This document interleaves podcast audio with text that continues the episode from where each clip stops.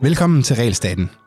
Jeg hedder Jonas Herby, og Realstaten er podcastet, hvor du, sammen med mig og mine gæster, bliver klogere på, hvordan reguleringen påvirker danskernes hverdag og det danske samfund. Siden 1989 er omfanget af statslige lov og bekendtgørelser næsten tredoblet, så der i dag er godt 20 millioner statslige ord, der regulerer danskernes hverdag. Men det er jo langt fra alt. Slår man op på retsinformationen, er der ca. 23.000 gældende forskrifter, hvor er kun godt en tredjedel af lov og bekendtgørelser. De resterende to tredjedel, de dækker over alle mulige andre former for forskrifter, herunder særligt vejledninger, skrivelser og cirkulærer, som blandt andet har til formål at styre den offentlige sektor. Og hertil kommer der 6-8.000 forordninger fra EU. Regler er der altså nok af, men hvorfor kommer de? Det skal vi snakke lidt om i dag, øh, hvor jeg har inviteret min kollega Carsten Bo Larsen med i studiet. Velkommen til, Carsten. Tak skal du have, Jonas. Carsten, vil du ikke starte med at introducere dig selv? Du har jo blandt andet skrevet en, øh, en bog med bestseller-titlen Kommuner, som modtager af statslige forordninger, øh, og har blandt andet en karriere som øh, embedsmand bag dig, så hvem er du? Ja, hvem er jeg? Jeg er, jeg er økonom, og, og som du ganske rigtigt sagde, så skrev jeg engang en bog om øh, kommunerne, som modtager af, af statslige forskrifter. Øh, det var lige starten af min karriere, hvor jeg beskæftigede mig med forskning i nogle år, så havde jeg en lang øh, karriere som embedsmand i øh, Finansministeriet og Justitsministeriet, øh, og øh, nu er jeg så vendt tilbage øh, til at være forsker igen her, som forskningschef på, øh, på Cepos. Øh, så det er sådan lidt om min baggrund. Så jeg har både analyseret, hvordan regler opstår, og jeg har også set, hvordan regler opstår i, i praksis. Har du, har du også været modtager af regler, eller hvad, hvad var din rolle i uh, ministeriet? Jo, det er klart, at når man sidder som embedsmand, så er man jo altid i en eller anden omfang modtager af regler. Udover at man er med til at, at generere idéer, hvor, hvor nye regler kan opstå, så er man jo også klart, at man lever jo under en eller anden form for regel uh, setup. Uh, så, så regler er jo en vigtig del af, af hverdagen som embedsmand, uh, ligesom økonomiske rammer og, og alt muligt andet er det. Carsten, grund til, at jeg synes, du kunne interessant at snakke med dig, det er, at jeg, når jeg rejser rundt og eller rejser rundt gør ikke så meget, men når jeg holder oplæg for, for folk, så har, jeg, så har jeg tit sådan nogle teser med, øh, som ligesom giver sådan nogle idéer til, hvordan regler kan opstå, og hvorfor det er, det mm. kan komme lidt ud af kontrol. Øh, og det har jeg så snakket med dig om nogle gange i løbet, altså når vi spiser frokost og sådan noget, og du har, øh, du har nogle teser, som jeg ikke tidligere har tænkt om, så jeg tænkte, at det var det, vi skulle snakke om i dag. Ikke? Altså, hvorfor, ja. kommer, hvorfor opstår øh, regler? Øh, Ja, så ja. hvorfor gør de det? jo, men altså, øh, øh en typisk måde, som regel kan opstå på, når man er økonom og sidder og, og, og kigger i sin, i sin teoribøger, det er jo, hvis der er en såkaldt markedsfejl, der skal reguleres på en eller anden måde. Hvis der, der er noget, der ikke virker øh, ude i markedet, der kan være et, øh, et monopol, der skal undergives noget lovgivning, eller et eller andet. Man må indgå, indgå kartelaftaler. Men i virkeligheden kan regler jo også være meget andet. Øh, det kan jo være øh, politikers behov for at handle kan afføde en, øh, en regel. Det kan være øh, folks øh, behov for at frelægge sig et, et ansvar og føre det over på nogle andre, der kan generere regler. Der er en lang række andre ting, der kan, der kan skabe regler, end lige præcis, at der er et meget konkret behov ude i samfundet, som den her regel, den nogle gange øh, går ind og løser. Men, er det ikke, men, men vil det ikke typisk være et konkret behov, der afføder en regel? Der vil ikke så tit, at reglerne bliver opfundet ud af blå? Øh, nej, der er jo typisk et, en anledning til, at, øh, at reglen bliver, bliver opfundet. Man kan så øh, diskutere, om det så også rent faktisk er løsningen at lave en regel i, øh, i det her tilfælde. Politikere har jo i princippet to muligheder for at handle, øh, når de ser et problem. De kan enten hælde penge ud over det, eller de kan hælde regulering ud over det. Og, øh, og nogle gange så er, det, er der ikke penge til at hælde ud over det, og så kan man jo give det noget regulering, hvis, om jeg så må sige. Ja. Så, øh, og det er måske ikke altid, man tænker, at, øh, at, at det er den bedste løsning. Det kunne også være, at det bare var civilsamfundet selv, der skulle løse problemet, eller borgerne selv, der skulle løse problemet. Men, men det vil så, der vil man så ikke have nogen handling, kan man sige, fra politikers side. Nej, men, men, men det er jo så, kan jo så typisk være et problem, hvis man er politiker, hvis der ikke er nogen handling, fordi der er typisk en anden politiker, der har et godt forslag til at, at gøre et eller andet, og der er typisk også nogle medier, der kræver, at der skal ske noget reaktion. Og øh, på den måde, så kan man jo øh, have regler, der opstår øh, på den baggrund, så man måske kan, så kan sige, at det er specielt gennemtænkt, er det i virkeligheden løsningen på problemet, øh, men det er, har så vist, at man rent faktisk har gjort noget. Jeg tænkte, at øh, måske skulle lige starte med at snakke om, sådan, hvordan regler kan, kan opstå. Øh, nu var du selv lidt inde på det her med, med ansvarsforlæggelse, som er en ja. af de ting, som er. Altså, det var faktisk den, da du nævnte det første gang, tænkte jeg bare, hold kæft, det er, sgu da, det, det er klart, selvfølgelig skal det, ikke? Så, øh, ja, og det første, jeg tænkte på det, det var, at øh, jeg kan huske, at vi havde en Piccolini i min øh, tidligere virksomhed, som satte en øh, seddel op, hvor der stod, at når, når printeren løb så for eller når man ville tør for papir ude i printrummet, så skulle man give Piccolini besked på, at øh, hun skulle bestille nyt, ikke? Jo. Så det, der før var hendes ansvar, blev ligesom til alles ansvar, og det, det, det er jo præcis det, du mener, ikke? Øh, når du siger altså, regler som, som ansvarsforlæggelse, eller, eller hvad? Jo, men det kan også være at, at, at pålægge nogen at, at, at gøre noget, som måske ikke rigtig kan, øh, kan lade sig gøre. Øh, hvis der opstår et problem i, i ældreplejen eller, eller alt muligt andet, så kan man lave regler for, at der skal gennemføres utrolig mange tilsyn, eller øh, øh, man skal lave en vis form for registrering, eller, øh, eller et eller andet andet. Øh, og det er jo ligesom at, at sige til mennesker ude i den anden ende, at det er meget, meget vigtigt, at I husker det her. Og, og, og når man gør det, skal man jo være opmærksom på, om det rent faktisk er muligt for dem at udføre det, man beder dem om. Øh, men når man nu så har gjort det, selvom det er muligt eller ikke er muligt, så har man jo også overført ansvaret på dem. Så er det dem, der skal sørge for, at det ikke er sådan, uanset om rammerne er til stede eller ej.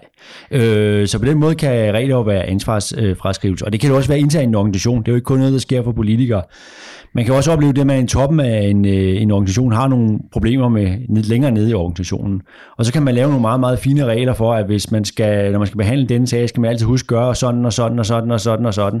Og til sidst så kan der være så mange øh, forskrifter og regler for, hvordan man skal behandle diverse sager, at det er umuligt for den der skal udføre det, den enkelte øh, socioassistent, den enkelte politimand, eller hvem det nu er, og rent faktisk skal huske alle de her ting, man lige skal mhm. huske at tjekke, øh, når man nu er i gang.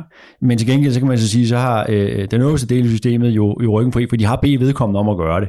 Så på den måde kan, kan regler jo også anvendes øh, som, øh, som ansvarsfraskrivelse, og regler kan være mange andre ting end, end lov. Det kan også være, være interne retningslinjer og vejledninger og sådan noget, som du selv, som du selv er inde på. Så, så det vi er ude her, det er, hvis man... Øh hvis der er et svigt på et eller andet plejehjem eller sådan ja. noget, at så, så, vil man, så vil medierne, eller så vil befolkningen jo generelt øh, prøve at se, om man kan finde en eller anden øh, sønderbuk her i, øh, i demokratiet. Ikke? Jo. Øh, og så kigger man til ministeren først, øh, og, hvis, og ministeren vil så kunne, hvis man har været lidt forudseende og indført en regel for det her, øh, kunne pege og sige, at der er faktisk en regel, som gør, at øh, det er kommunerne, der skal føre tilsyn, eller hvad, hvad jeg, øh, eller sikre, at det, det kører rigtigt. Ja. Og kommunerne kan så måske have lavet en ny regel, som siger, at øh, jamen, det er faktisk det plejehjemslederen, som skal gøre et eller andet. Øh, og, og på den måde kan man ligesom, altså er tesen, at man kan bruge regler til at, at skubbe ansvaret rundt i, øh, i systemet på, på en eller anden måde. Jamen det er jo et rigtig godt eksempel. Så kan man lave regler for, at man skal registrere, hvad man gør. Øh, man kan sige, der kan man jo så skrive noget andet, ja. end det man rent faktisk gør. Øh. Og så kan man øh, lave regler for, at øh, der skal være nogle flere tilsyn, nogle flere uafhængige tilsyn. Men overvejelsen om, om, om tilsyn overhovedet løser øh, problemstillingen, øh, den var måske mere relevant, øh, når man taler om de her øh, ting. Men, men, men det øh, går man måske virkelig ikke så meget op i, for det, der er et krav om lige nu her, det er at handle. Mm-hmm. Du, når, du, du nævnte lidt der med, om det var muligt eller umuligt at overholde reglen. Og, ja.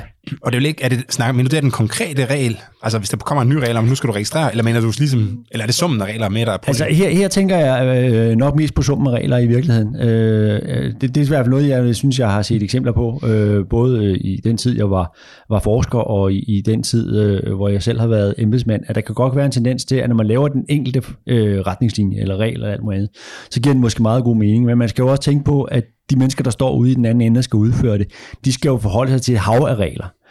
Og der er jo ligesom begrænset for, hvor, hvor meget kognitiv kapacitet det almindelige menneske, som du og jeg, alle mennesker har, hvor meget de kan huske, og hvor meget de rent faktisk kan forholde sig til. Og så bliver det jo ligesom helt automatisk sund fornuftmetoden, der, øh, der afgør øh, øh, det her. Nu refererer du til vores bog om, om statslige forskrifter, da vi sin tid rejste rundt i den gamle kommunestruktur og kiggede på nogle af de her kommuner, som i meget høj grad alle sammen var ramt af en massiv regelstrøm fra, øh, fra staten. Der endte det jo også meget sådan, at man jo i de enkelte kommuner måtte bruge sund fornuftmetoden, og de steder, hvor man var store nok til, at man ikke måtte udelukkende forlade sig på sund fornuftmetoden, der har man så ansat nogle egne jurister, der kunne oversætte de her regler til noget, der bare var nogenlunde navigerbart mm. internt, øh, og man kunne holde overblik over internt øh, øh, for, deres, øh, for deres egne medarbejdere. Så jeg tror, at det er i høj grad den samlede sum af regler, som kan, kan være svære at håndtere, og øh, retningslinjer og hvad det ellers er. Men kunne man, også, kunne man ikke også forestille sig, at altså, når reglerne kommer ind, så ryger den sund fornuft ud, simpelthen? At man... Øh Altså, i virkeligheden kan der måske være to forskellige grupper af personer ude på, på markedet. Ikke? Nogen, som siger, okay, de regler her, det, er, det er fuldstændig uoverskueligt og fuldstændig gak, når man begynder at have dem alle sammen på én gang. Så jeg, jeg går bare efter min egen sund fornuft. Og så en anden gruppe, som siger, nu er der nogle regler, dem må skal jeg leve op til. Og så selvom der kan være en eller sige, at øh, okay, nu ligger Grete på, og faldet inde på værelse 37, men der står altså i mine regler, at jeg skal ned på nummer 9, eller 48 nu, øh, så Grete hun må lige ligge der, indtil jeg kommer tilbage. Jo. Altså kan det ikke være, så kan man ikke også forestille sig, at der er sådan en... Altså, altså det både kan jeg ved ikke, altså blive afløst af, af sund fornuftreglerne, men også kan erstatte øh, sund fornuft i virkeligheden. Jamen, det kan, man, det kan man sagtens, og jeg har jo også i, i, i min tid, øh, og har jeg jo beskæftiget mig meget med, med organisationer, der eksempelvis indeholder mange, mange jurister, der godt kan lide regler. og, øh, og der har jeg jo også oplevet det med, at, at der kan jo også nedefra komme en efterspørgsel efter regler. Øh, det er måske noget, øh, øh, man sådan hovedsageligt oplever på, på mellemlederniveau. Man siger, kan I ikke bare præcis fortælle os, hvordan det er, vi skal gøre? Fordi så ved vi, at vi har gjort det rigtige. Mm. Og, og den måde, man jo ligesom meget taler om moderne ledelse på, det er, at man har nogle rammer og nogle vilkår, og så skal man udfylde dem som leder, og sørge for, at man generelt set leverer et, et, et, et, et godt produkt. Men hvad er så det? Og der har jeg da helt også oplevet, at nogle gange, at vi så ikke bare fortæller os præcis, hvad det er, vi skal gøre. Når vi så har gjort det, så øh, kan vi jo, så har vi gjort, hvad vi skulle, og så kan vi ikke klandres for noget. Men det korte og lange er, at det man jo nok gerne vil have folk til at gøre i praksis, det er sund fornuftmetoden, fordi man kan ikke altid beskrive alle de problemer, der kan opstå, mm. og alt hvad der sker. Så øh, det er jo vigtigt at have nogen, der kan handle ud fra det, der rent faktisk øh, øh foregår. Men, men du har fuldstændig ret i, at man kan også godt opleve, at der nedefra, for at få nogle klare retningslinjer, og øh, i høj grad sige, så har jeg gjort, hvad jeg skulle, øh, kan være en efterspørgsel efter regler. Det er sjovt, du kommer ind på det der, fordi det er også en ting, jeg har tænkt lidt over, det her med, at, at verden er bare så super kompleks, ikke? Der kan opstå alle mulige ting og sager, som mm. man ikke rigtig kan, altså, som man ikke kan skrive regler om på, på forhånd. Ja. Øh, jeg har en øh, slægtning, der er, øh, der har et vinduespudserfirma, og, øh, og har folk ansat, og de har, altså der er nogle gange, så laver de bare nogle mærkelige ting, ikke? Øh, de står, nogle dage står de jo sådan og vasker vinduer med sådan, nogle, med sådan noget rent vand, ikke? Øh, og det vand, der det så løber så ned af huset, og så ned på det, der så måtte være nedenunder, ikke? Og der er, altså, der er ikke grænser for, hvad de der vinduespuder, de kan gøre vådt med ting der, fordi de simpelthen bare ikke altså, det er ikke, på en eller anden måde slår de jo hjernen fra, altså, det kan man også godt forstå, hvis man har nogen derude, men, ja.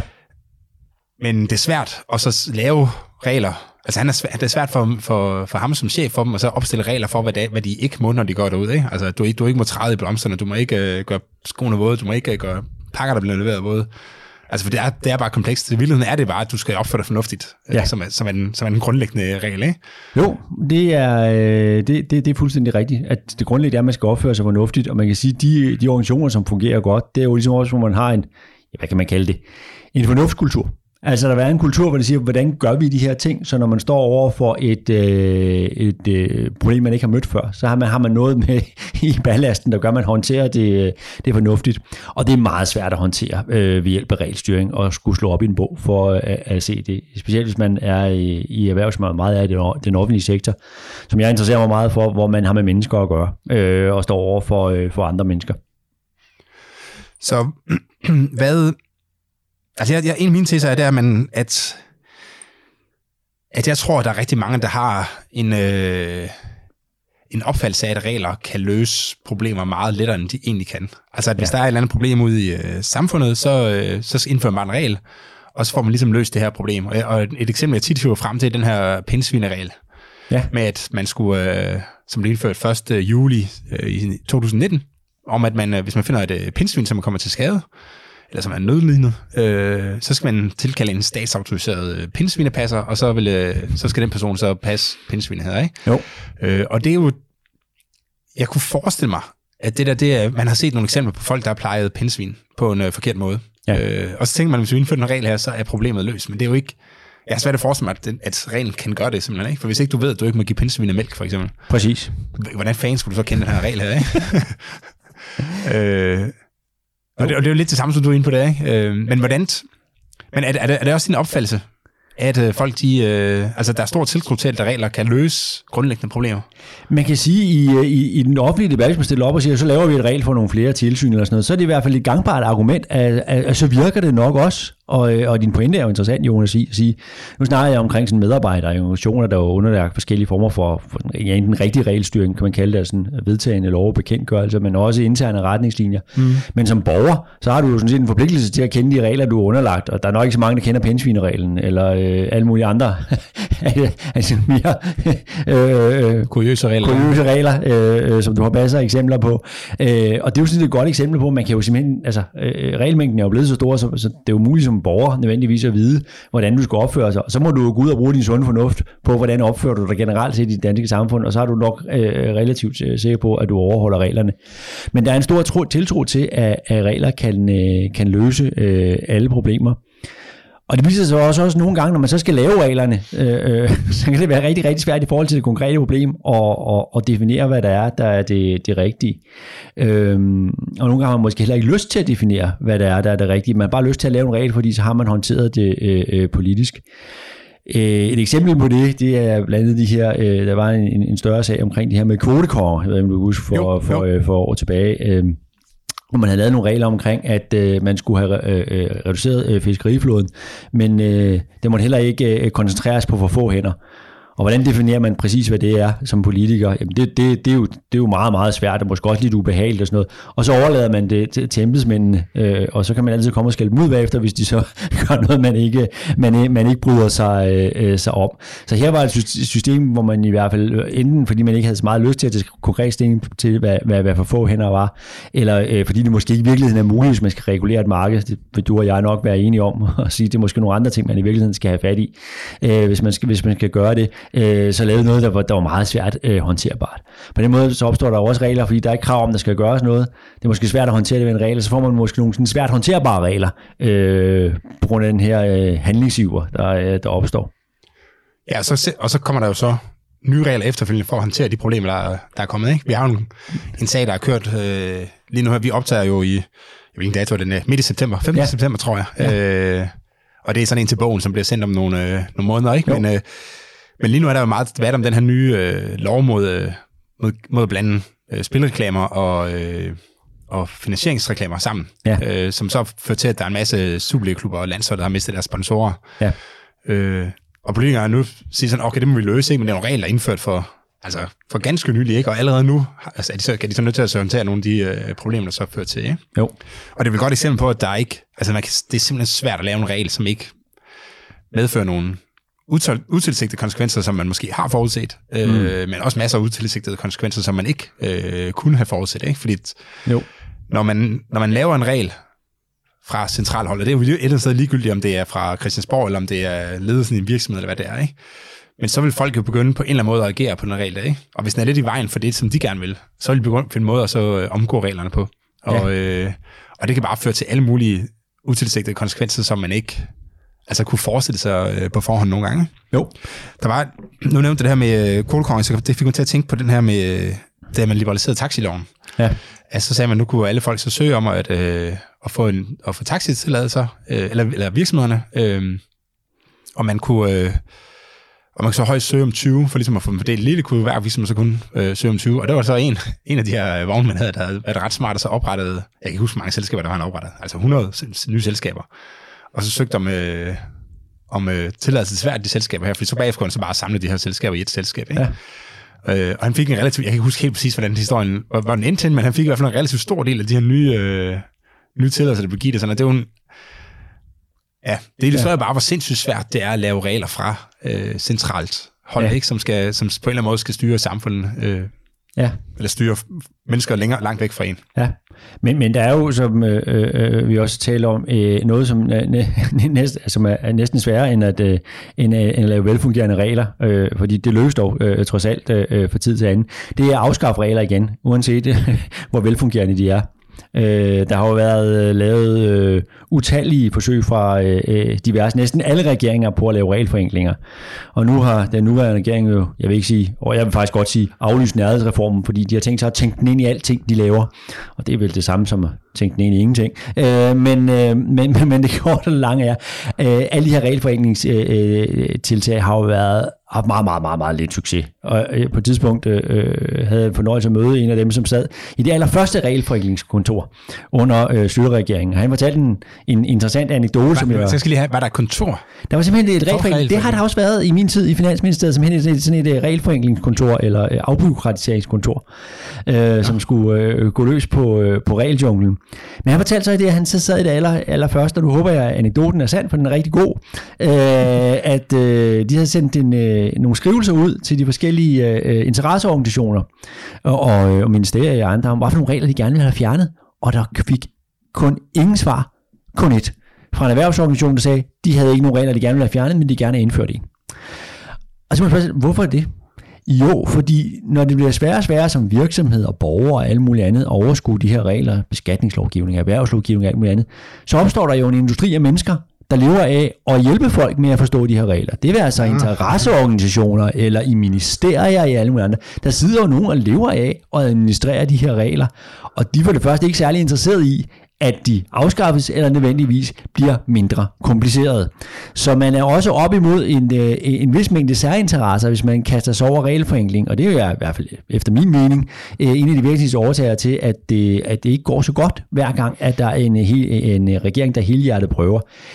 En anden årsag er jo, at når man indfører nogle af de her regler, så har man den der bias med, at hvis der er en enkelt, det, det gør noget godt for, og det går ud over mange, så er det den enkelte tit og gange meget klart identificerbar. Det kan være det her pindsvin, vi taler om. Men hvis det så skader en masse andre mennesker, eller der er en masse besvær, eller en masse omkostninger til statsovertidsøret pindsvinepasser, øh, så bliver den jo fordelt ud på os alle sammen, på alle mm. skatteydere, eller på hele samfundet og sådan noget. Og, og det kan man også nogle gange rent politisk have meget, meget svært ved at håndtere. Hvis man kan lave en konkret avisartikel om Maren i Kæret, som er rigtig glad for den her regel, og sådan har alligevel, men det er ud på alle, har relativt store samfundsmæssige omkostninger, så kan det også være rigtig svært, fordi de fleste regler er jo indført af en årsag, men det betyder ikke, at det er en god grund til at indføre dem. Det er interessant, for det, det var en af de ting, som jeg snakkede med Eva Kær om i afsnit 19, så vidt jeg husker. Ja. Det var der, hun, hun lavede noget, noget regelforenkling, ja. øh, trods alt. Øh, hvor vi snakker om det her med, hvad, hvad gør man egentlig som minister, hvis man nu, det var på fød, som øh, fødevareminister, hvor, øh, hvor man siger, hvis man nu fjerner en eller anden regel, ja. og så der to uger senere, så er der så en virksomhed derovre, der gør noget, ja. Som øh, den regel, altså hvis den blev overholdt, og hvis alt var en skønnesorden, ville have løst, hvad, ja. hvad, så, så falder alle svar jo tilbage på ministeren. Ikke? Så, på, så jeg kan sagtens forstå, hvis man som minister siger, sådan, det er nok bedst, at jeg ikke afskaffer nogen regler, fordi det er det. hvis der så sker noget, uanset om reglen har jo virket eller ej, jo. så øh, fordi tit så bliver regler også overtrådt af folk, der altså enten ikke ved bedre, eller, eller har ondt altså ondt i troen.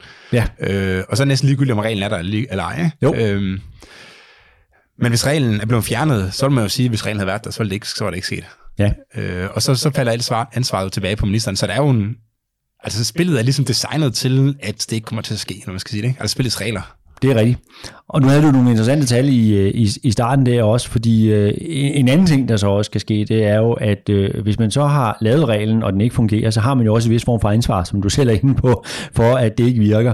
Øh, øh, på den anden side, så kan det også være rart af, af mange årsager at forsøge at regulere et område. Det er fordi, så kan man sige, at man har gjort noget, men jo også fordi, man jo sikkert også gerne vil have, både øh, embedsmænd og, og politikere vil jo gerne have indflydelse øh, og magt og øh, bestemme, hvad der sker. Det er jo derfor, de har meldt sig i branchen, i hvert fald så deltid politikerne. Og der kan sådan noget som vejledninger, som jo ikke er bindende, men dog alligevel på en eller anden måde alligevel bindende, mm. nu være et, øh, et, et, i hvert fald nogle øh, øh, ministerområder har jeg oplevet et meget øh, kærkommet redskab, fordi så kan man skrive en vejledning, og så er det så op til kommunen for eksempel at overveje, om man vil følge den her vejledning. Og hvis de så ikke gør det, og det så går galt, så kan man sige, at jeg ikke følger fuld vejledning. Øh, men det er på den anden side, det er heller ikke så bindende, øh, som hvis det havde været en egentlig regel øh, i de her vejledninger. Så, så det kan også være et, øh, en grund til, at, at mængden af en eller anden form for forordning, eller øh, øh, vejledning, eller tilrettevisning, det, det, det, øh, det vokser på, øh, på den her måde. Ja, den, den er faktisk interessant, ikke? Fordi at,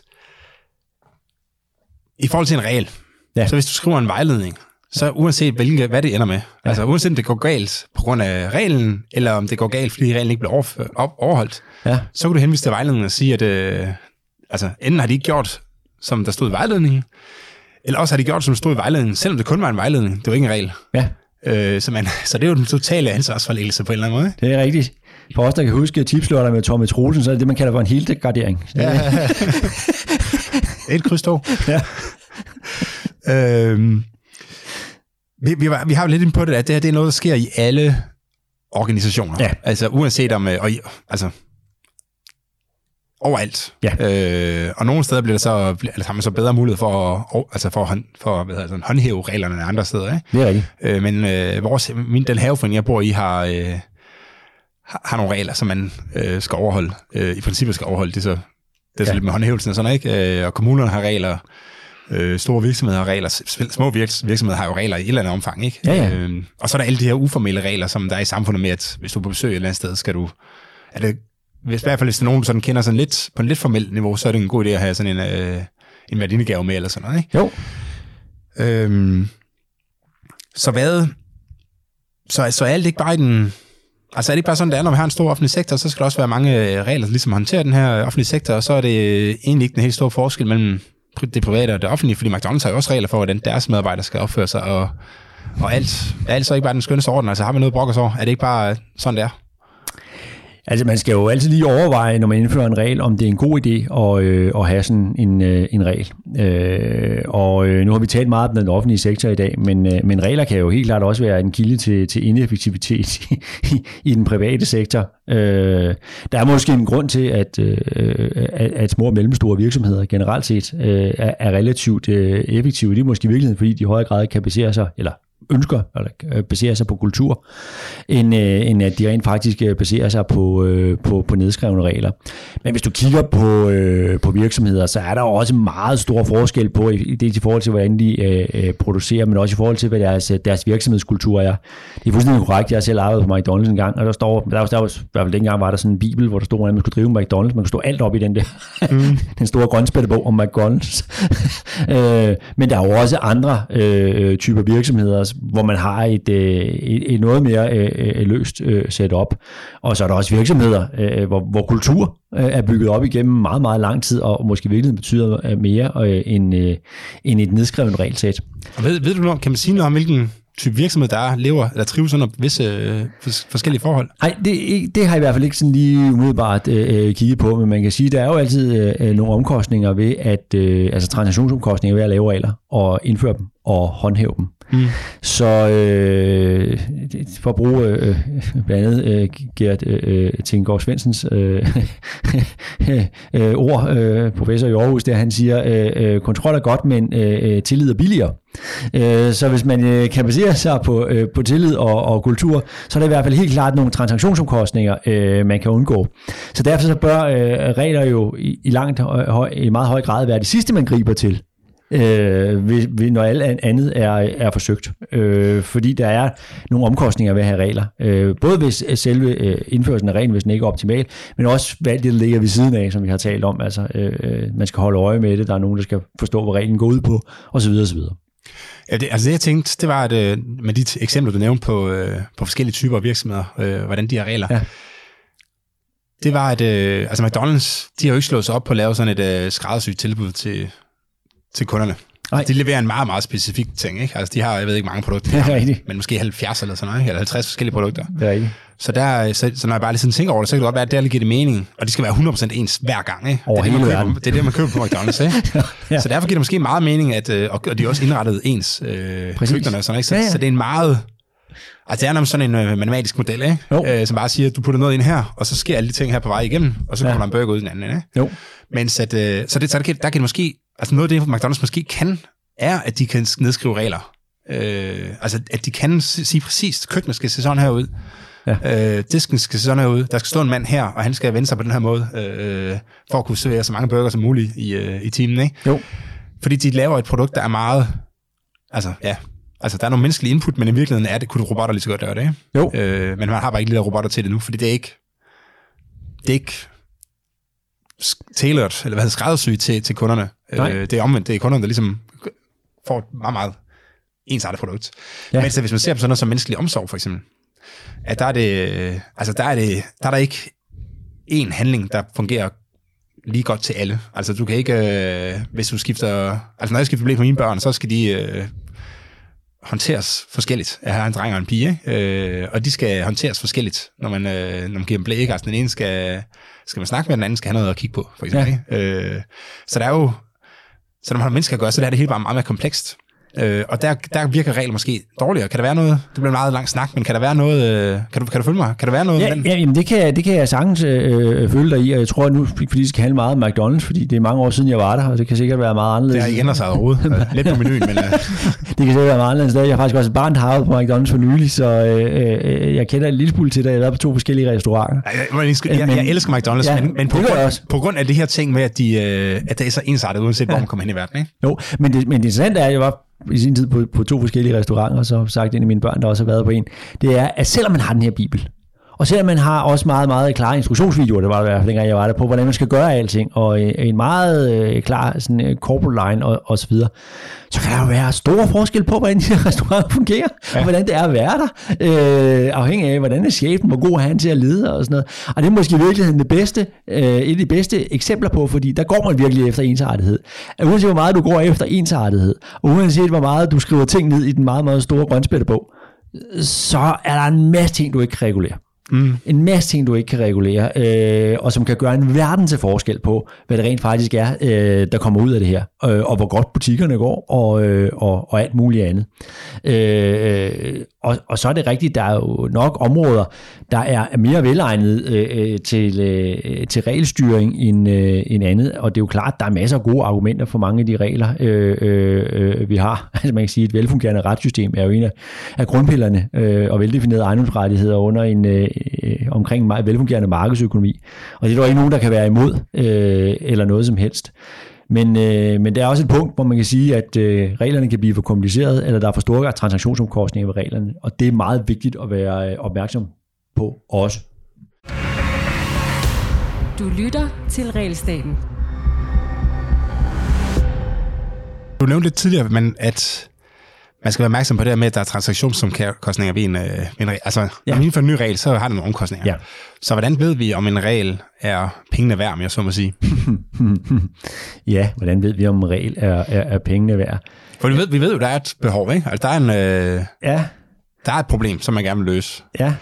Og så siger man, at måske kan den her regel øh, løse problemet, men vi ved også, at den har sådan nogle omkostninger. Øh, så hvordan, ja, hvordan finder man ud af, om den reglen har Oh, ja, det, altså, øh, når, man, når, man, når man laver lovforslag, så har man jo øh, øh økonomiske øh, administrative øh, bemærkninger øh, til dem, og øh, jeg vil sige, der er, øh, min erfaring tilsiger mig, at der, der, der er stor forskel på, øh, øh, hvor øh, sådan, øh, analytisk velfunderede de er.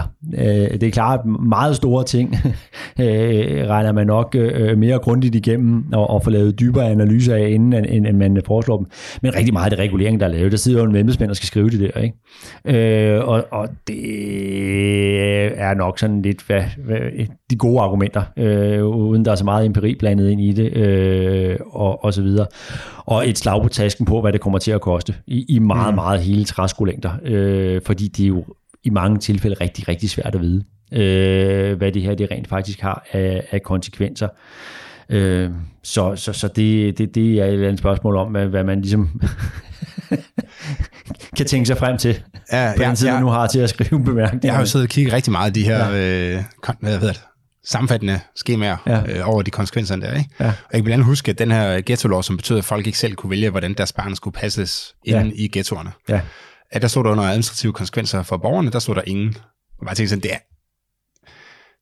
Jeg kan godt finde en i hvert fald. Altså det, du ikke frit kan vælge, hvor de barn skal passes, det er, det er der en administrativ konsekvens for borgerne, der er til at tage føle på, ikke? Øh, jo. Så, så, det, så det viser, at kvaliteten nok er rimelig problematisk i hvert fald. Øhm.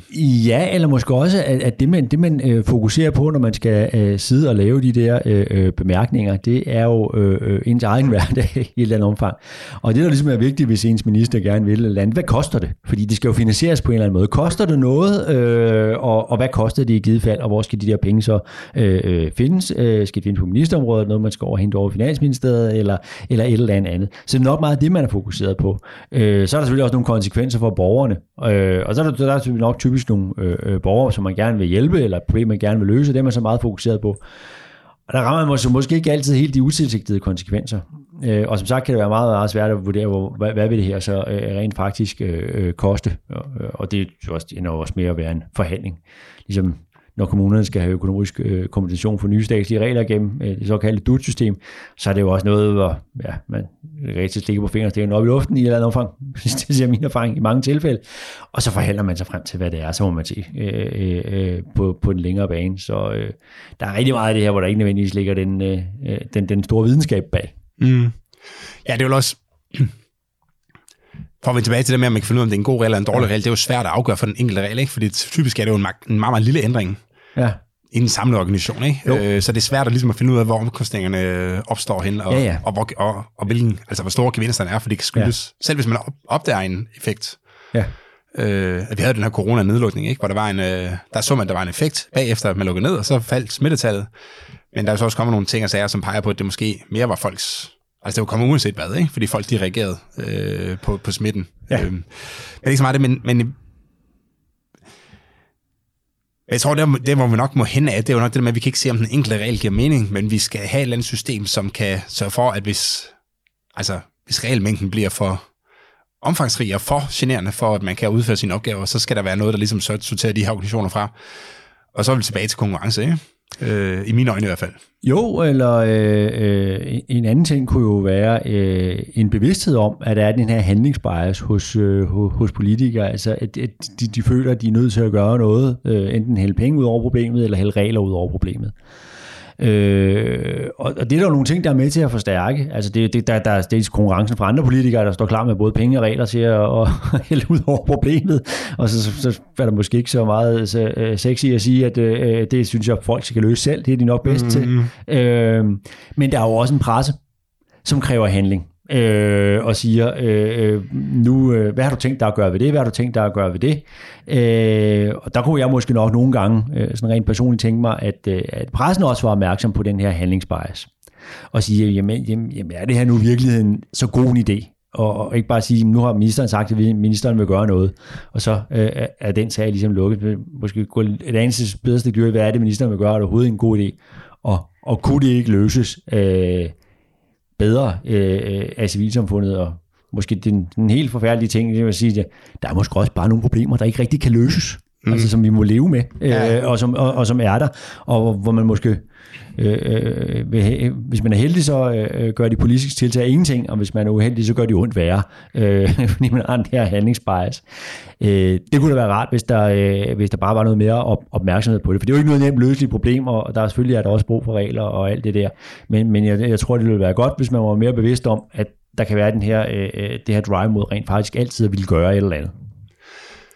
Ja, jeg tror, jeg, ja, jeg, jeg tror nogle gange, eller jeg skal skrive på et tidspunkt en øh, klumme om, at, øh, at, at der var ligesom et kontroltomrum i den offentlige sektor. Altså du har øh, en, der kommer, en hjemmehjælper, der kommer ud til en, øh, en gammel dame, øh, og på en eller anden måde kommer du lidt som en gave til en gammel dame, så hun er måske ikke så opmærksom på, at hun skal kræve en vis kvalitet af den her. Hun er svært ved, hun ved måske ikke engang, hvad det koster, hun ved ikke, hvad hun ligesom kan forvente. Hun, har, hun kan ikke se andre øh, konkurrenter, som, øh, som udfører den samme øh, service nødvendigvis, øh, og så videre, så videre. Ikke? Så der er noget, så, hun er, så kunden i det her tilfælde er sådan en lille, er lidt svag stillet, eller lidt svag, i hvert fald i forhold til at føre kontrol med opgaven. Mm. Øh, men hvem skal så føre kontrollen? Ikke? Altså hvis jeg går ned på McDonald's og får en dårlig, så, så, så fører jeg selv kontrollen, ikke at komme tilbage næste gang. Men hvem skal så føre kontrollen i den, i den offentlige sektor, når det ikke rigtig er den her, når det ikke nemt kan skifte leverandør, så, så er det jo kun politikeren tilbage til at føre kontrol, eller embedsapparatet for den skyld. Øh, og hvordan, hvordan, gør, altså, hvordan skal de så udføre den her kontrolopgave, hvis ikke det er gennem regler? Altså, hvad kan de gøre? Det er jo, det er jo svært for dem at, at vurdere, om, øh, om den service, som Tante Oda, hun får, om den er god eller dårlig i forhold til øh, kvaliteten, og i forhold til, hvad andre kan levere. For, altså, det er jo, det er jo sindssygt svært. Øh, så, så, så kan man, altså... Vil der ikke være et kontrolvakuum, som ligesom øh, bare suger regler til sig for på en eller anden måde at blive udfyldt, indtil at det, og det er, øh, jo, det, det, det tror jeg, synes, du har ret i. Øh, men der er jo rigtig mange aspekter i det spørgsmål, du, øh, du, du stiller op der, fordi øh, det er jo også meget bekvemt at kunne lave en, en, en regel til den der øh, stakkels hjemmehjælper, øh, øh der, der kommer ud og, og med sin registreringsskema, hvad, hvad så har med at skrive, nu skal du sørge for at kunne hver gang du har talt venligt til Tante Oda, eller lave en generel regel om, at du skal altid give Tante Oda øh, god service. Det er, jo, det er jo nok straks værre, hvis man har ansvaret for den service, der bliver leveret til Tante Ole, hvad man har som lokalpolitiker, så er det måske mere ubehageligt rent faktisk at gå ind og, og, og lave nogle konkrete målinger på, hvad, hvor godt det er, det man leverer. Fordi i sidste ende har man jo selv ansvaret for det, øh, eller sammenligne sig med andre kommuner. Det, det er ikke den store øh, øh, glæde ved i, i den kommunale sektor at, øh, at, at lave den her form, øh, form for sammenligninger. Øh, og, og, og så jo, der er det her drive mod, at man, man, man laver, øh, vil hellere lave regulering, end man vil lave øh, øh faktiske øh, brugbare øh, sammenligninger. Man kan sige, de lider jo også under, alle, under en, omstændigheder under en eller anden form for metodiske øh, øh, problemer. Så øh, det bedste i min verden ville jo være, hvis, hvis, hvis den der hjemmehjælper, der kommer ud, kunne slippe for alt det her registreringspraksis. Og, og for mig at se, er der jo reelt set kun én vej til det, og det er, at man giver den ældre mulighed for at vælge en anden leverandør, ligesom du kan gå hen og spise en burger et andet sted, hvis du er utilfreds mm. med McDonald's. Fordi så er det en tillidsrelation mellem de to. Øh, og hvis den ene er tilfreds, så, så bliver den anden, og hvis den, hvis den ældre ikke er tilfreds, så har det konsekvenser, og så skifter du til noget, til noget andet. Øh, det, det, det tror jeg simpelthen er den, den eneste vej, altså rent at man, man indfører noget mindre mere om markedet for at, at, at undgå den her øh, registrerings øh, øh fælde, eller hvad man kan sige, øh, som du, som du stiller op der. Ja, for det, og det tror jeg også, fordi det er, altså, det er jo bare en meget, meget kompleks interaktion mellem to mennesker, når der kommer en, der skal få hjemmehjælp i stedet. Ikke? Ja. Så hvis ikke man både kan sammenligne, hvad, hvad kan jeg få, og hvad, hvad hører jeg andre snakke om ved andre virksomheder, altså hvis ikke, hvis ikke der er nogen konkurrenter, ja. øh, som du kan undersøge, og hvis ikke øh, du ved, hvad det koster, og du ligesom, hvad du kan stille krav om og sådan noget, jamen så er du, du er rigtig dårligt stillet som, øh, som kunde. Ikke? Jo. Øh, og det kan man også, jeg synes, at man godt kan trække nogle relationer tilbage i tiden der til, til sådan nogle statslige monopoler og sådan noget. Altså, der var ikke nogen, der tænkte over, at TDC, eller til Danmark, eller hvad det hed dengang, øh, måske var lidt dyrt og sådan noget, men engang der blev åbnet op for konkurrence, når man ligesom kunne se andre, så blev man tænke sådan, hey, jeg kan da få præcis samme service billigere her, eller måske en bedre internetforbindelse ja. øh, til de samme penge. Ja. Og, så, og så begynder man ligesom at sammenligne, og det, det jeg, jeg er udmærket godt klar over, det er meget, meget sværere i velfærdssektoren, ikke? men jeg kan bare ikke rigtig se, hvordan man skal undgå det. Altså, hvordan, Nej. Fordi ellers så får man det andet her. Ellers får man det her tomrum, hvor det er, at, øh, man, at der opstår nogle sager med en hjemmehjælper, der ikke er dukket op eller et eller andet. Øh, og så indfører man det her tidstyrni, ikke? eller registreringstyrni. Jo, jeg vil sige, øh, der er jo nogle meget vigtige omkostninger ved det der. Dels går der nogle omkostninger øh, fra tid, som kunne være brugt godt sammen med, med, med, med den ældre, men, men, men det er lige så meget, at når der, når der dukker de her ting op, og der dukker de her sager op, så... Øh, kan man sige, er det jo tit, tit og mange gange enkeltstående tilfælde. Men så fordi der er den her handlingslyst øh, og øh, reguleringslyst, mm. så kan man meget vel komme ud i en situation, hvor det så rammer alle de andre, der går rundt og passer deres arbejde ganske udmærket. Og det er jeg sikker på, at det er langt, langt, langt, langt hovedparten af de øh, folk, der beskæftiger sig med, med, med ældreservice i dag, som, som yder et rigtig godt stykke arbejde. Og så lige pludselig så rammer det jo dem, hvis, hvis det bliver til noget generel regulering, at der er nogle mennesker her, eller noget generelt tilsyn, eller noget generelt øh, kontrol, mm. øh, som, som ikke har løst deres opgave.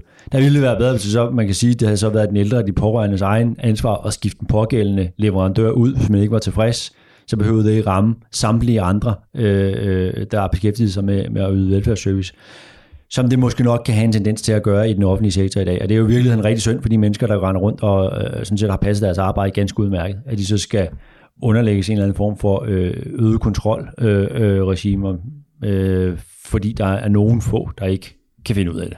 Ja, man kan sige, i virkeligheden, i princippet er det jo synd for alle, for man kan sige, hvis det var ja. en, hvis det var et, et, nogle forskellige private øh, firmaer, som leverede den her service her, og der så var mm. et af firmaerne, der sagde, at nu havde der været en eller anden sag med en eller anden medarbejder, jamen, så indførte de nogle regler. Så kommer der en ny sag, så indførte flere regler. Hvis så, hvis så den her regelmængde, den ophober sig så meget, at de ikke kunne udføre en ordentlig service, jamen, så ville den jo, altså, så ville den jo gå konkurs til sidst øh, og forsvinde fra markedet. Ikke? Så de, de virksomheder, der ligesom leverer de, altså finder, de, finder den rette balance, kan man sige, mellem, øh, mellem regler og, øh, og kultur. Øh, de, de, det er jo dem, der vil have succes øh, med at levere en, en god service øh, så tit som muligt, fordi så vil det nok altid være fejl, uanset hvilken, hvilken sektor det ligger i. Ikke? Jo, men man kunne, også, øh, man kunne også sige det på den måde øh, øh, i dag. Øh, sådan sagt, sagt noget karikeret skal, skal, skal jeg skynde mig at sige. Så kan man sige, hvis, hvis din øh, ældre pårørende bliver behandlet dårligt, øh, så, så, så, så det, det så kommer frem, og øh, kommunen bliver presset og siger, nu indfører vi en regel om, nu holder vi op med at, at behandle de, de, de ældre dårligt.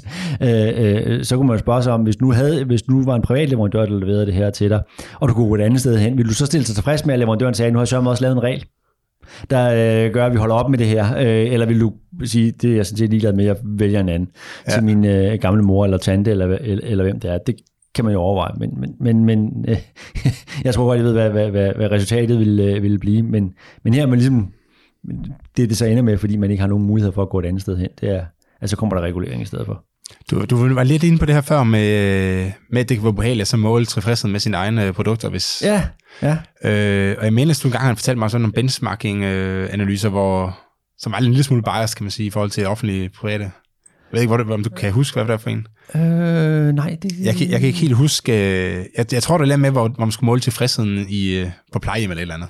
Nå, nå ja, nå ja, ja, ja, ja, altså, øh, øh, man kan øh, jo have en øh, tendens til måske, altså, når man laver den her type analyse, så øh, er der jo et eller andet med, hvilke øh, øh, parametre kigger man på.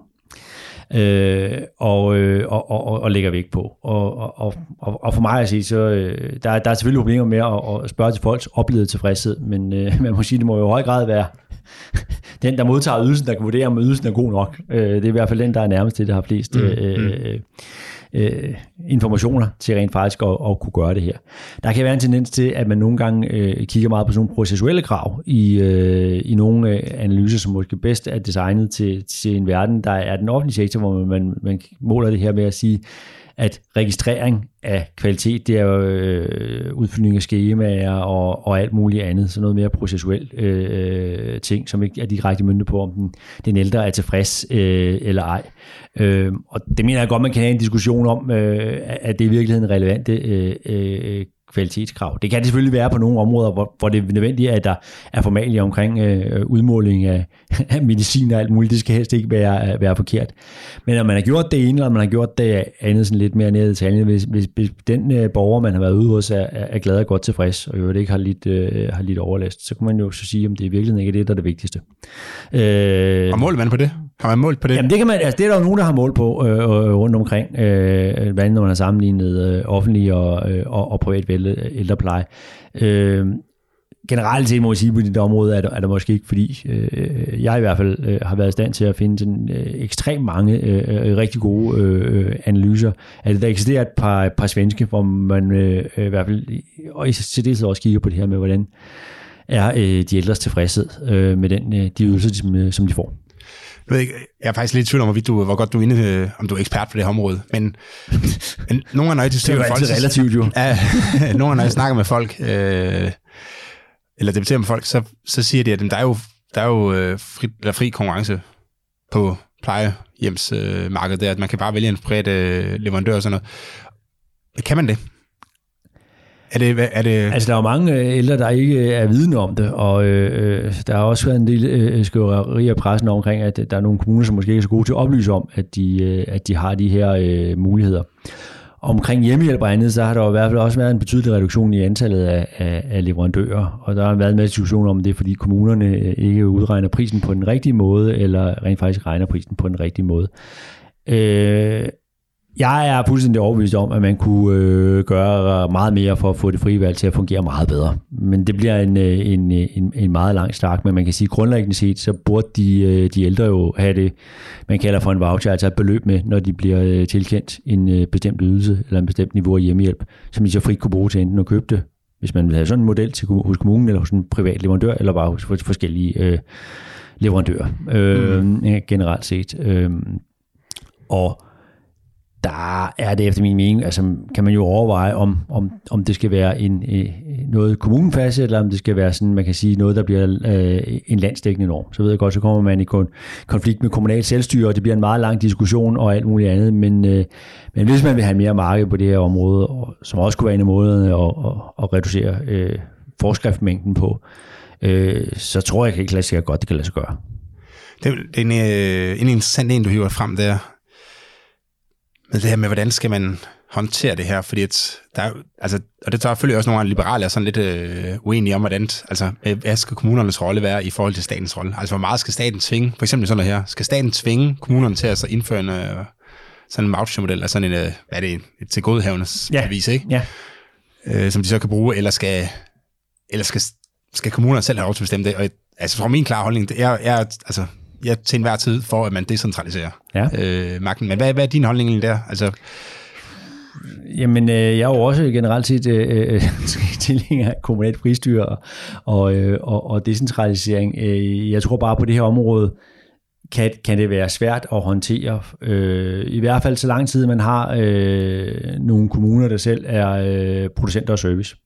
Og dermed øh, direkte konkurrenter til de private leverandører. Hvis, hvis man ikke havde det, ville, og, og kommunerne bare fastsat, altså skal, hvor, hvor stor skal den voucher være, vores ældre bliver sendt ud i verden med, så tror jeg sådan, lidt, det kunne fungere rigtig godt. Men, men i dag, der har du en meget stor serviceproduktion i, øh, i, i kommunerne, og, og der er nødvendigvis ikke nogen snuptagsløsning til, hvordan man lige præcis øh, øh, løser det. Det, det, det er, øh, øh, kan være relativt øh, kompliceret, også fordi kommunerne har forsyningsforpligtelsen. Det må man jo erkende. Men jeg tror godt, man inden for det nuværende system kunne, øh, kunne gøre øh, noget. Men, men, men det er klart, at øh, enten bliver du nødt til øh, at se på, om kommunerne fortsat skal være serviceproducenter, øh, fordi så har de en klar egen interesse i at i hvert fald bevare en stor del af produktionen selv, øh, eller øh, om du vil øh, gå mere på kompromis med det, øh, med det kommunale øh, selvstyre.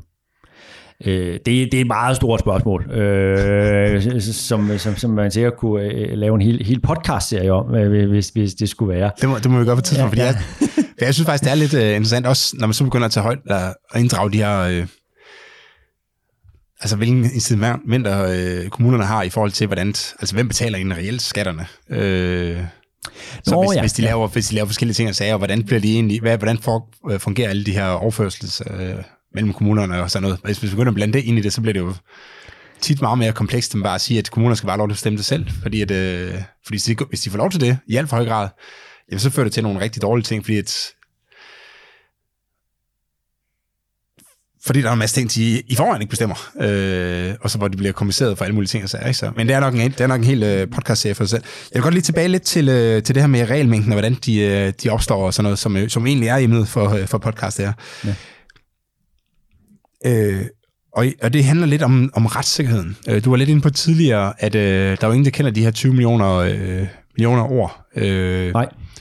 Der er i, øh, godt 20 millioner ord, der er i, den, øh, i lovgivning, som regulerer øh, os borgere. Ja. Øh, og det, det er jo i sig selv et problem for, for retssikkerheden, ikke? at jeg kan risikere i virkeligheden at få en, en dom. Ikke? Man får nok bare en bøde, ikke? hvis jeg plejer det pindsvin, fordi jeg simpelthen ikke kendt øh, loven der ikke. Øh, selvom jeg har pligt til at kende den, så er det jo... Det er rigtigt. Så er det jo de facto umuligt at kende øh, alle lov. Ikke? Ja. Men hvordan fungerer det egentlig i det offentlige? Nu, du sagde lidt, at der, du, man kan jo ikke kende alle. Der er så mange, på nogle områder er der så mange regler, som man ikke kan kende alle. Så, hvordan, så hvor hårdt bliver man holdt op på det i, øh, i det offentlige?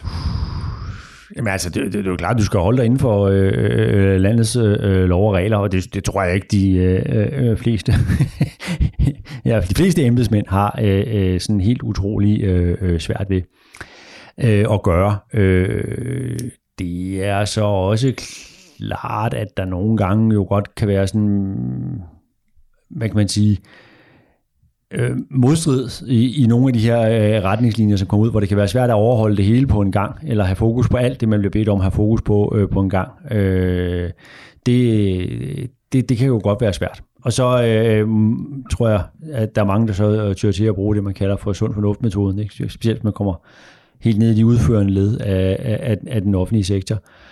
Øh, og så kan man sige, bliver man så øh, straffet der? Øh, det er egentlig ikke mit indtryk, at man gør. Og det her udtaler jeg mig uden jeg har undersøgt det eller noget, det skal, mm. det skal, det skal jeg skynde mig og, øh, og, og, og sige, at man sådan på den måde bliver øh, meget nidkært øh, øh, straffet. Det er klart, man kan som, øh, som øh, øh, både offentlige chefer og offentlige øh, medarbejdere nogle gange risikerer at blive hængt til tørre øh, i, i, i, i bestemte sager, hvor, hvor man selvfølgelig kan diskutere, om det, det var rimeligt eller, eller, eller det ikke var rimeligt.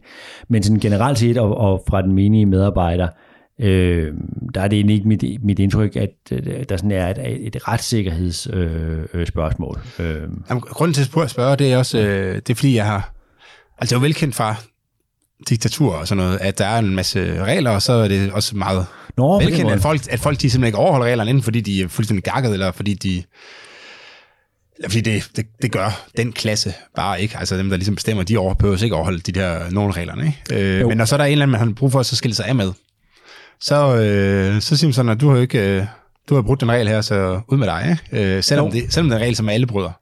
Ja. Så, så altså, anvendelsesregler på den måde. I, øh, nu kender du mest den offentlige sektor. Jeg, jeg, har, et, jeg har et eksempel, vi kan tage om to sekunder fra ja. den private sektor, hvor ja. det bliver anvendt på den måde. Men, øh, ja. Ej, det må, jeg, det, må, det må jeg ærligt sige, det har jeg faktisk ikke oplevet. Det har du ikke oplevet? Øh, jeg sidder lige og tænker mig om, om, om, jeg, om jeg synes, at øh, jeg har nogle eksempler på det.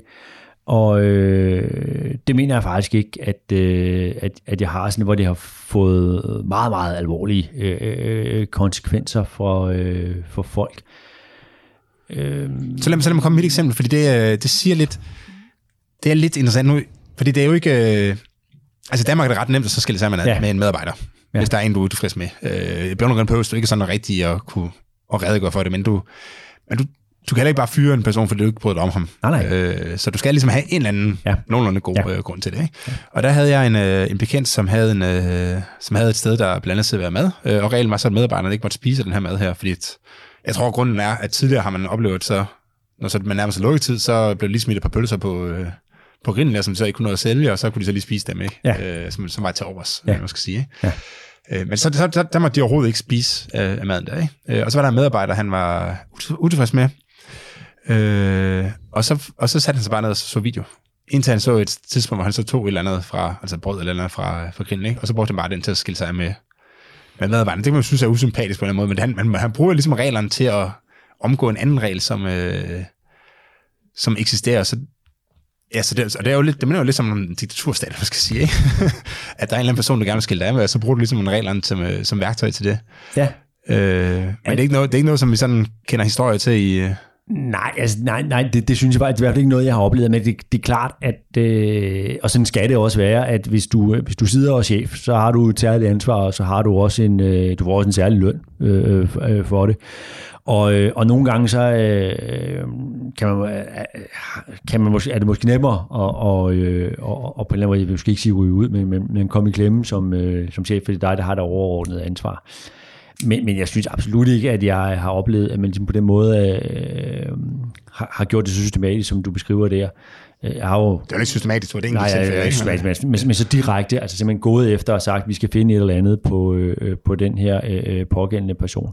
Det er jo generelt sådan, at hvis du er almindelig medarbejder i, din, øh, i, den, i den offentlige sektor, så øh, har jeg sådan set ikke andet, oplevet andet end, at øh, hvis man skal af med folk, øh, så kører der et meget langt forløb, og sådan set folk får en færre warning på, øh, på forhånd, og får mulighed for at, at rette op, øh, og så videre. Og i den forbindelse kan der jo godt være et eller andet, hvis man ikke overholder de, de, de interne retningslinjer, så man kan sige, det gør alle de andre heller ikke, eller, eller, eller, eller, eller et eller andet. Det er nu ikke noget, jeg har oplevet, men det kunne man da godt forestille sig.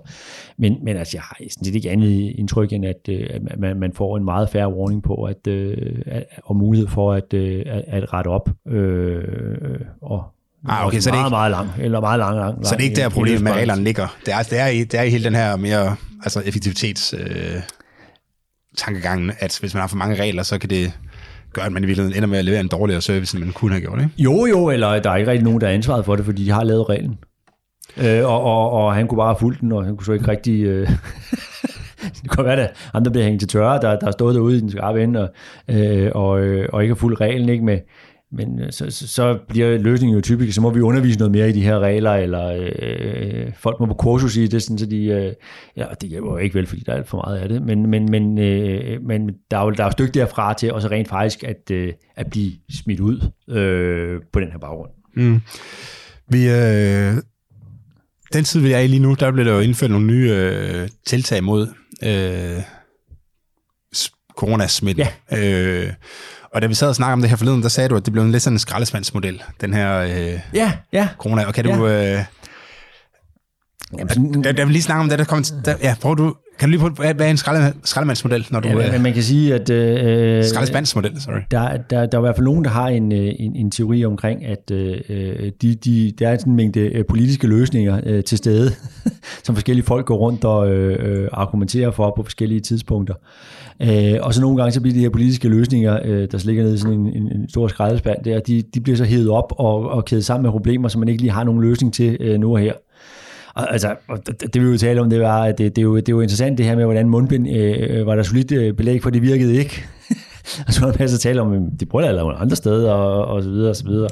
Jeg tror ikke, jeg er ikke ekspert på området, men jeg synes, det lød plausibelt, dem der argumenterede for, at det ikke virkede, i hvert fald på det tidspunkt. Og så lige pludselig så bliver det en løsning, man så kan hive op, og det kan jo være, fordi man ikke rigtig har andre, mange andre løsninger, man kan ty til, fordi det er svært at lukke ned igen og øh, gøre alt muligt andet. Så der kan være, at når man står i det der handlingsspejl, så leder man efter løsninger, så kan man jo så med, med, med et glimt i øjet være, øh, sige, så kan det være, at I ser vores ærger over, at vi ikke har foreslået, at øh, en nedsættelse af topskallen vil nedbringe sm- smittetrykket. så kan det være, at vi var blevet valgt.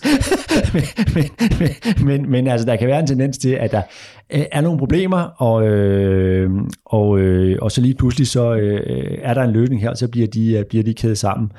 Øh, Ja, altså jeg synes, det jeg, jeg, jeg har oplevet, det er, at man øh, ja. Ser først Ja. forslagene på, på Twitter i ja. bund og grund, ikke? At Ja. der er nogen, der siger, hvorfor, øh, hvorfor lukker vi ikke ned for... Hvorfor skal barnet have lov til at være åben kl. 2? Hvorfor ikke lukke den kl. 10? ja, Og så går der øh, nogle dage eller sådan noget, og så melder regeringen ud, at nu er der et nyt pressemøde, og så de regler, som jeg så har set der på Twitter, som jeg ved selvfølgelig ikke om, det kan jo være, de er kommet fra regeringskontoren ja. øh, til at starte med, ikke?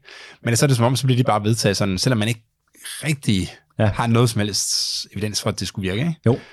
Altså hvis man vil, øh, vil dykke en lille smule længere ned i det her, så har øh, professor Michael Bakkesen Glitgaard skrevet en fremragende bog, der hedder Den utænkelige reform om strukturreform, som jeg også var i hvert fald øh, noget ind over, da jeg sad i Finansministeriet og også en lille smule i Justitsministeriet, som, som, som faktisk handler om den her problemstilling med, at øh, der var nogle problemer, øh, i hvert fald sådan, som han fortolker det i sundhedssektoren og andet, og så dukkede der det her mulighed for at lave strukturreform op, og hvorvidt det i virkeligheden var, altså hvilke problemer store dele af reformen i virkeligheden skulle løse.